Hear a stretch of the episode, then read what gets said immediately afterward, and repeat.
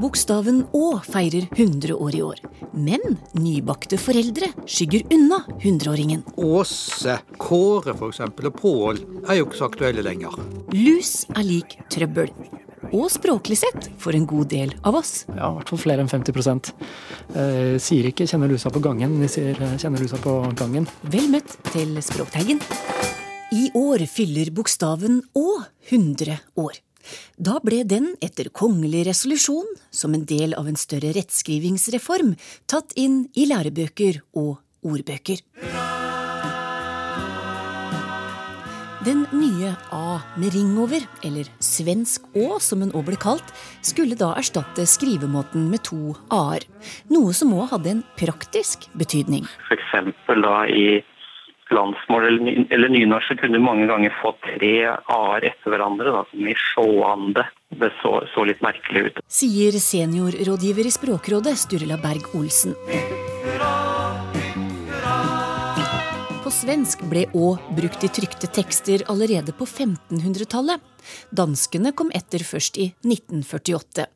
I Norge ble den altså offisielt innført i 1917, men de ivrigste hadde brakt temaet på bane allerede i 1869. Og noen forfattere tok den i bruk ganske raskt, f.eks. Henrik Ibsen. Men uh, det var først da den fikk sin offisiell offisiell godkjentstempel i 1917 at den uh, ble tatt i bruk i stor grad i norsk. Da ble den konsekvent tatt i bruk i ordlister og skolebøker. Men det norske folket brukte litt lengre tid på å adoptere den nye skrivemåten. For så ser det ut til at Aftenposten gikk over til Å i 1928.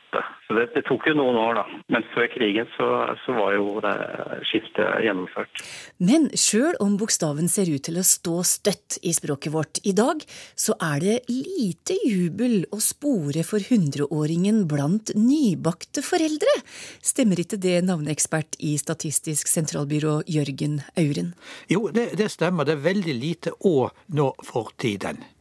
Åse, Kåre for eksempel, og Pål er jo ikke så aktuelle lenger. Hvorfor det, tror du? Altså, poenget er at Åen henger på noen store navn. Altså Åse er det egentlig den som dominerer. Hvis vi lager en oversikt over populariteten til Å gjennom tiden, og Åse gjennom tiden, så er det nesten samme kurven. Mm. Og nå er det jo sånn at navnene våre går i bølger. Når et navn har vært med oss veldig lenge, så blir de tanter av disse her stakkars damene som går rundt med disse navnene, og da er det ingen som bruker dem. Så etter hvert så kommer disse gamle damene under torven, og så kommer det opp en ny generasjon. Så Åse kommer tilbake. Men akkurat nå så er det ikke mange som vil ta i bruk alle de flotte norske navnene med Å i seg. Det er ikke så veldig mange flotte norske navn med Å. Og, men, no, men, de få vi har, de har vært brukt ganske mye i perioder, og nå er de i dvale. Så når hadde navn med Å sin storhetstid, da, hvis det går an å si det? Ja, det begynner å bli ganske lenge siden. Når det gjelder guttenavnene, så må vi tilbake til sånn rundt 1930. Og eh, jentenavnene litt senere, men ikke så veldig. Så det vil si de siste 80-90 åra så har det gått eh, jevnt og trutt nedover? Ja. Men er ikke dette her et resultat av at vi kanskje vil være mer internasjonale, og da passer jo Ån veldig dårlig inn?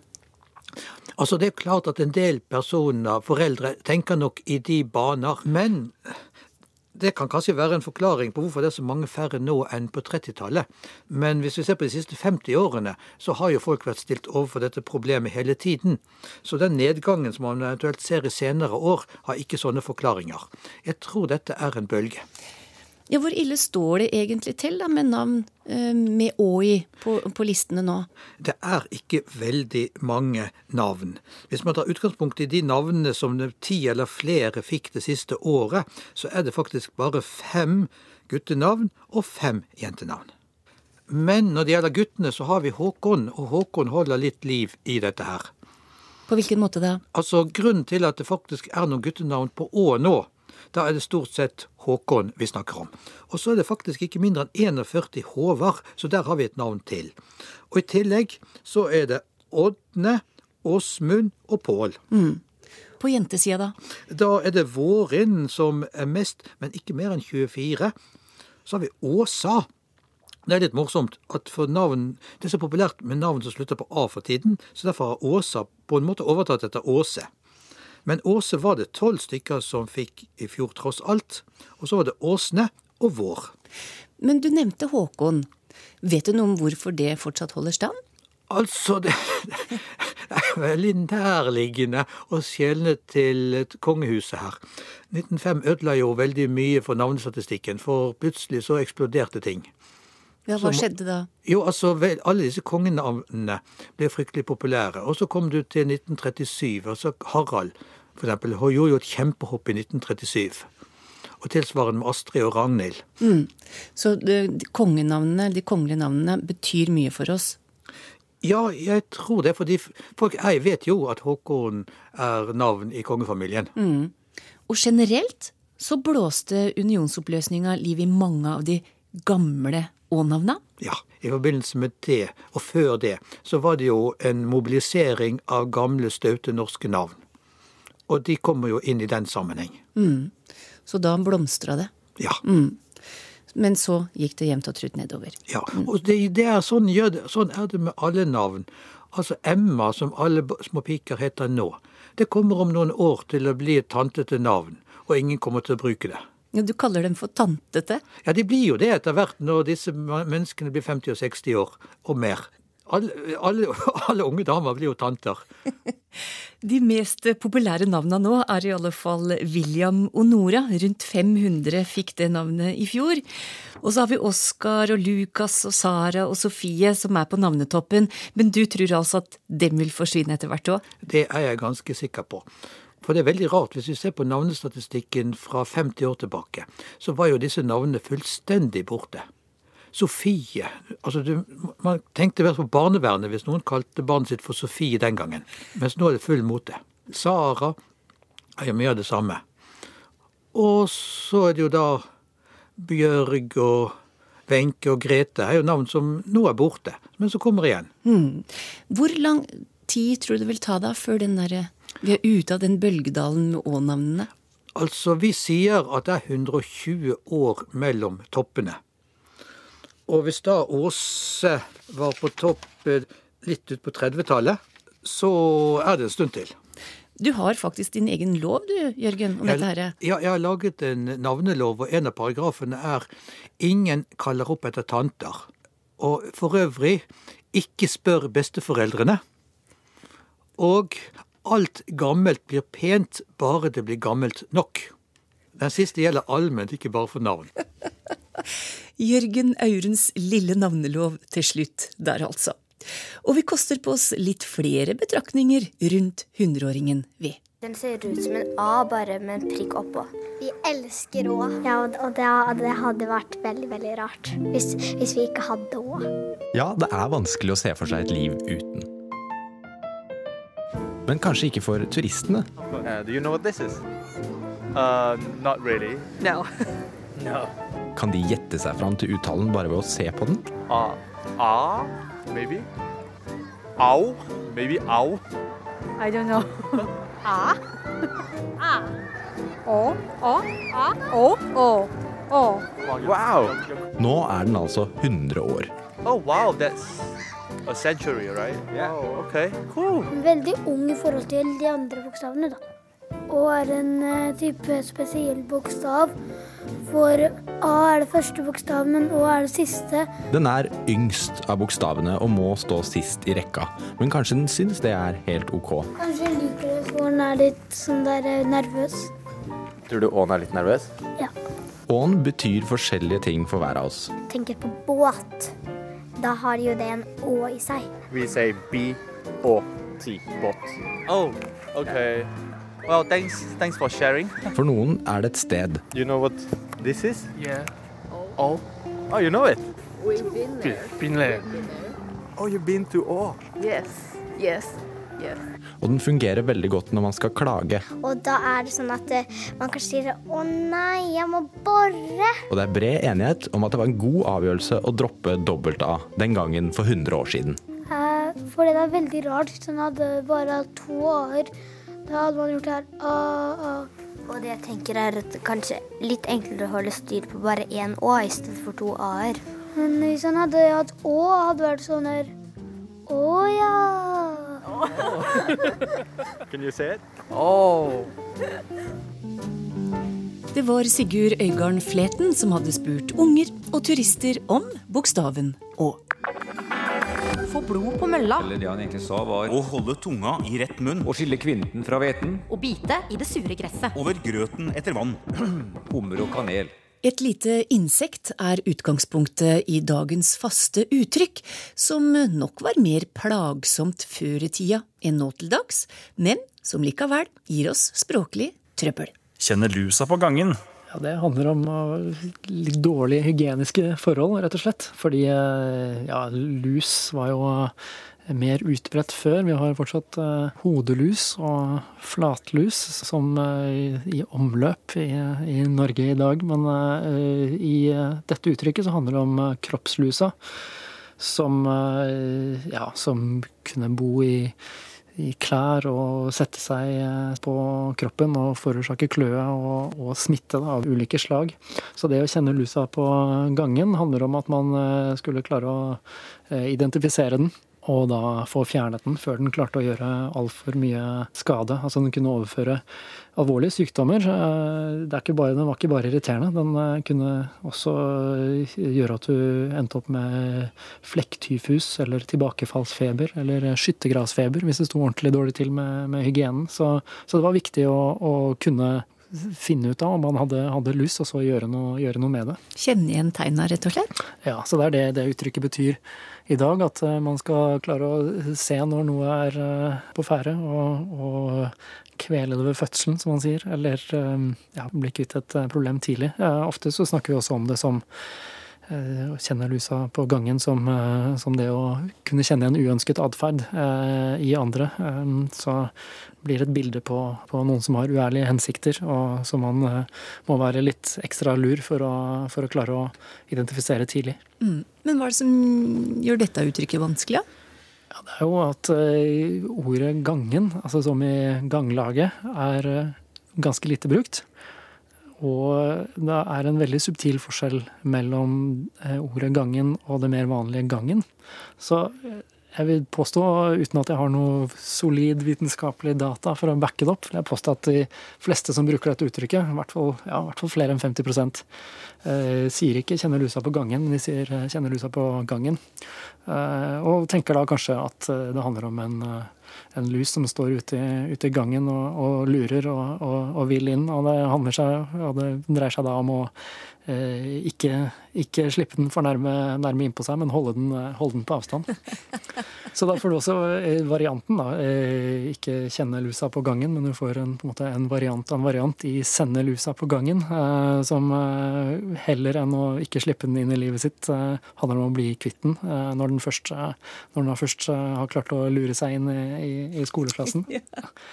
ja. er assosiasjonen til, til, dette med lusefjerning i skolen og barnehagen også har jo gitt enda en variant av uttrykket, da, som er, jeg bare har hørt et par ganger, men den er, litt, den er såpass søt at jeg ville ha den med. Hvor det handler om å kjemme lusa med kammen isteden. Hvor du da antagelig bruker en lusekam da, for, å, for, å bli kvitt, for å bli kvitt den. Men hva det, hva, hva det skal være uttrykk for, det er litt det er litt usikkert.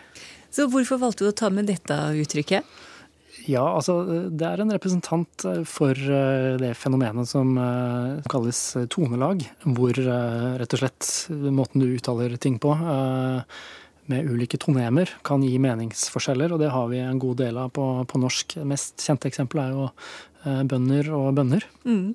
Vi kan snakke om å høre enden på visa, men vi betaler med visa. Og vi tenner på bålet sankthansaften, men tenner har vi hele året. Og vi kan snakke om å være skjerpa i vanskelige situasjoner, men hvis vi skal opp på et høyt fjell, så bruker vi kanskje en skjerpa isteden. Og vi feirer livets lyse sider med å drikke sider. Og vi kan huse våre venner i huset vi eier. Og vi kan spille spillet de liker, men det er ikke nødvendig å være leken for å være med på leken. Så her er det mange varianter som, som blander seg i hverandre, som er lett å rote til når man begynner å tenke på dem.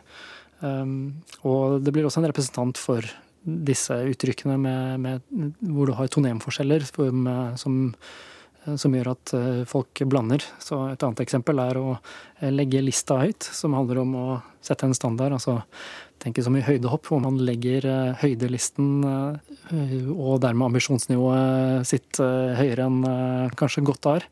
Men en vanlig misforståelse av det er å snakke om å legge lista høyt isteden. Da blir det snakk om en handleliste eller, eller, eller noe tilsvarende. Det var også å Eh, legge inn årene, som handler om å gi opp, som i roing, da, hvor du tar eh, årene inn i, inn i, båten.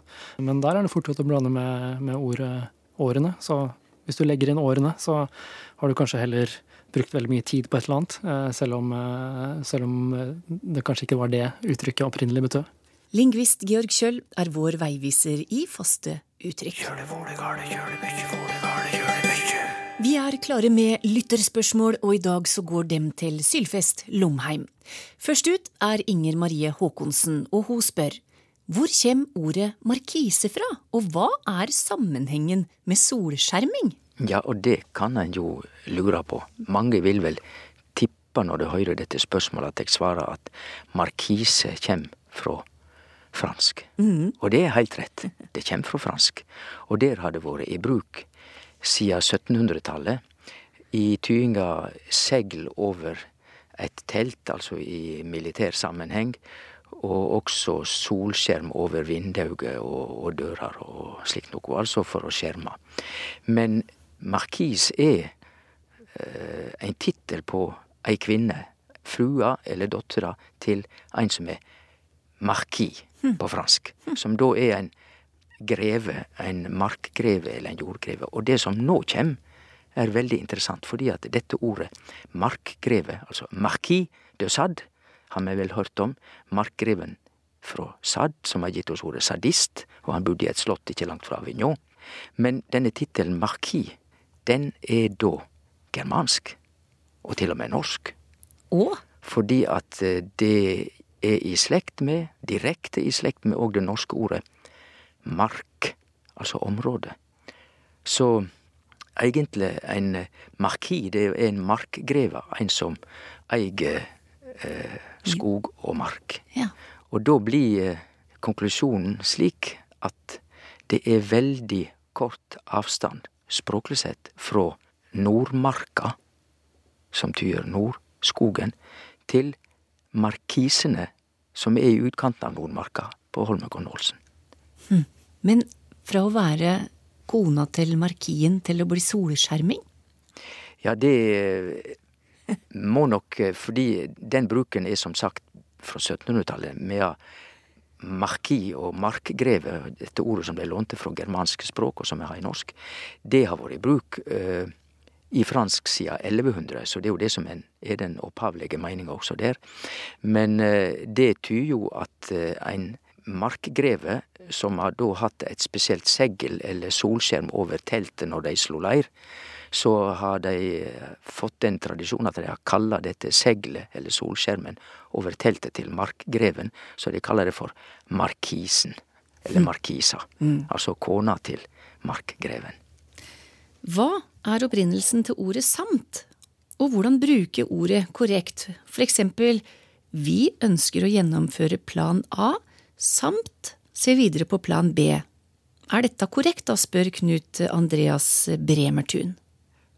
Og svaret det er heilt korrekt, og det er veldig lett å bruke samt korrekt, for vi kan bare sette inn og også, så har vi det tilsvarende. Eh, gjennomfører plan A og også plan B. Mm. Og samt kommer jo rett og slett av saman altså sammen med. Og tysk har litt eh, samme bruk, gesamt og sånn. Så det er ordet saman som har fått en T lagt til, og betyr plan A samt videre plan B. Da er det plan A sammen med plan B. Hm. Altså også plan B. Så enkelt er det. Kjell Telse undrer seg over et ord han så teksta på NRK. I et program så ble 'flag of convenience', i skipsfarten altså, oversatt med 'framannflagg' på nynorsk, noe han mener er misvisende. Han mener at bokmålsordet 'bekvemmelighetsflagg' er bedre. Men Programmet var altså teksta på nynorsk, og kunne dem da ha skrevet bekvemmelighetsflagg, spør han. Nei, det burde de ikke gjøre, og jeg syns heller ikke at bekvemmelighetsflagg på bokmål er spesielt vellykka.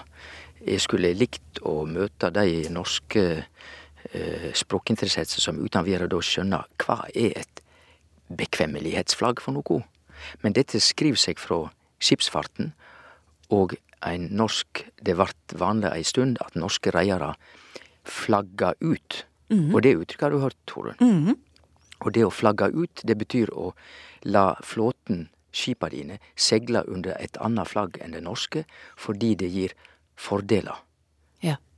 Og derfor så ville det òg være fullt mulig å, å bruke ord som uteflagg, for å ikke snakke om å segle under fordelsflagg, som òg er et godt nynorsk ord, og dermed også et godt bokmålsord. Og da vil jeg peke på Magne Rommetveit si fantastiske synonymordbok i norsk med andre ord som kom i 1993 og seinere utgave. Han fører opp som eh, mykje bedre uttrykk for bekvemmelighetsflagg, så skriver han fordelsflagg eller uteflagg. Og det siste vil jo da være forståelig ut ifra å flagge ut. Hvordan kan det ha seg at et gjestfritt hjem ikke betyr et hjem fritt for gjester, men snarere det motsatte? Å være gjestfri betyr vel å åpne for gjester, spør Karin Moen. Ja, artig. For eh, har du et gjestfritt hus, så er det ikke slik at det, det er uten gjester, men det er tvert imot. Ja. Eh, Slik at gjestene kan komme. Mhm. Og dette henger jo sammen med at eh, det er jo fri. Dette enkle norske ordet. Men det har ikke bare én bruksmåte, fordi fri kan bety uten. Og det er jo det det ikke betyr her når det gjelder gjestfri. Men vi har jo skyfri himmel. Mm. Da er himmelen uten skyer. Ja. Men hvis et hus er gjestfritt, så er ikke det uten gjester. Men da er det fri i tyinga fritt fram for gjester. Altså, det, det er fritt å komme. Fri bane. Ja. Og da passer det jo bra. Det... Da gir det god mening. Så det betyr at fri er et rikhaldig ord. Eh, bare tre bokstaver, men det har ulik tyding. Å være fri er å være uten plikter. Å bli fri, det kan bety to ting. Det kan bety å bli kvitt noe. Du blir fri det. Men det kan òg bety å bli løs. Å, ha fri telefon, det betyr å ha gratis telefon. Og et gjestfritt hus, da er det fritt fram å komme som gjest. Så vi hører jo at eh, dette enkle trebokstavordet, det er et eh, skikkelig eh, levende og verksamt eh, ord som har en, en liten eh, ei lita vifte av bruksmåter. Vi skal ha et litt aktuelt spørsmål akkurat nå. Hvor kommer ordet vår fra? Ja. Altså ordet på årstida, spør Madeleine. Og det er jo bare tre bokstaver. Vår. Ja. Og eh, det er jo klart at det har ingenting med vår tid å gjøre. Altså eh, pronomene vår. Mi tid og di tid. Vår tid. Nei. Men med en gang vi sier vår tid, Ja. da blir det jo da blir det jo årstid. Nei, men eh, Det skal dette være ordet, det er med lys. For å si det veldig kort. Jeg har gravet litt i etymologisk, altså historiske oppslagsverk, og det ser ut som alle disse ulike åra bakover i tid, hvis vi skal trekke fram et ord som det liksom kjem ifrå, og som det er i slekt med når det gjelder meining, så er det at det er et ord for lys som ligger til grunn langt bakover i tid. Mm. Og det gir jo god mening, for det er liksom Nå kjem lyset igjen, det er den lyse årstid, nå er sola stig, ikke sant? Ja. Men eh, det er jo et mystisk ord når det gjelder den meninga. For det er umulig å sjå noe lys i disse tre bokstavene. V, Å, R, vår. Men slik skal det være. De andre årstidene er på en måte lettere å forstå eh, når vi søker litt i hva de kjem ifra, fordi eh, vi har jo vinter Mhm. og vetter, og det skal rett og slett være i slekt med vatn. Med andre ord regntid. Og da skjønner vi at ordet vinter har ikke vært skapt her i Norden, men lenger sør, langt tilbake i indoeuropeisk språk, der det har regna mye mer enn at det har snøa om vinteren. Mm. Og så når det gjelder høst, så er jo det det samme som i innhøsting, og på tysk snakker de om herbst, og på engelsk harvest, ikke sant? Så det har med grøde og avling. Så høst er avlingstid. Ja. Innhøsting. Og det òg gir god mening. Og um, når det gjelder sommertid, så er det også i slekt med kanskje lys, lystid. Eh, eller òg eh, dette ordet semi. Semi betyr halv. Slik at sommer er kanskje et ord for halvår. Mm. Og i gammel tid så rekna de ofte med bare to halvår. Ett år, og så var det delt i to halvår. Det var vinter og sommer. Så høst og vår er nok nyere som, som eh, omtale enn det virkelig urgamle som var sommer og vinter. Mm. Og så, hvis vi skal avslutte med våren, skal vi det, Ja, igjen? ja. Så eh, vårt er jo som sagt ikke lett å forklare, men det kommer fra lys. Men det ser vi jo ikke. Men med en gang vi går til danskene, så er jo det veldig enkelt. Danskene sier jo forår, Ja. og det er jo sjølforklarende. Og eh, engelsk snakker om ikke vår, men de sier spring. Ja. Og da spretter jo gras og alt opp på jorda. Det springer opp.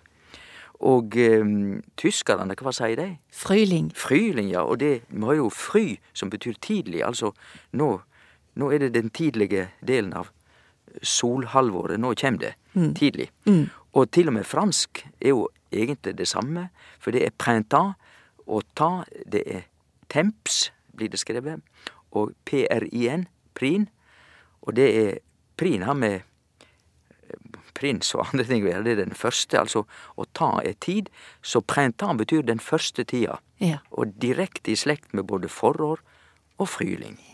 Men med på norsk, vi driver med dette urgamle trebokstavordet vår. Ja, Men det er jo fint, da, for det er jo ja, lyset som kommer fint. tilbake til oss. Ja. Ja. Og det ble det siste spørsmålet du får svare på i dag, Sylfest Lomheim. Og har du spørsmål eller annet du vil ta opp med Språkteigen, så sender du e-post teigen krøllalfa nrk.no. Du kan sende SMS med kodeord 'Teigen' til 1987, noe som koster deg ei krone. Eller bruk NRK P2 sin Facebook-side. Ha det bra!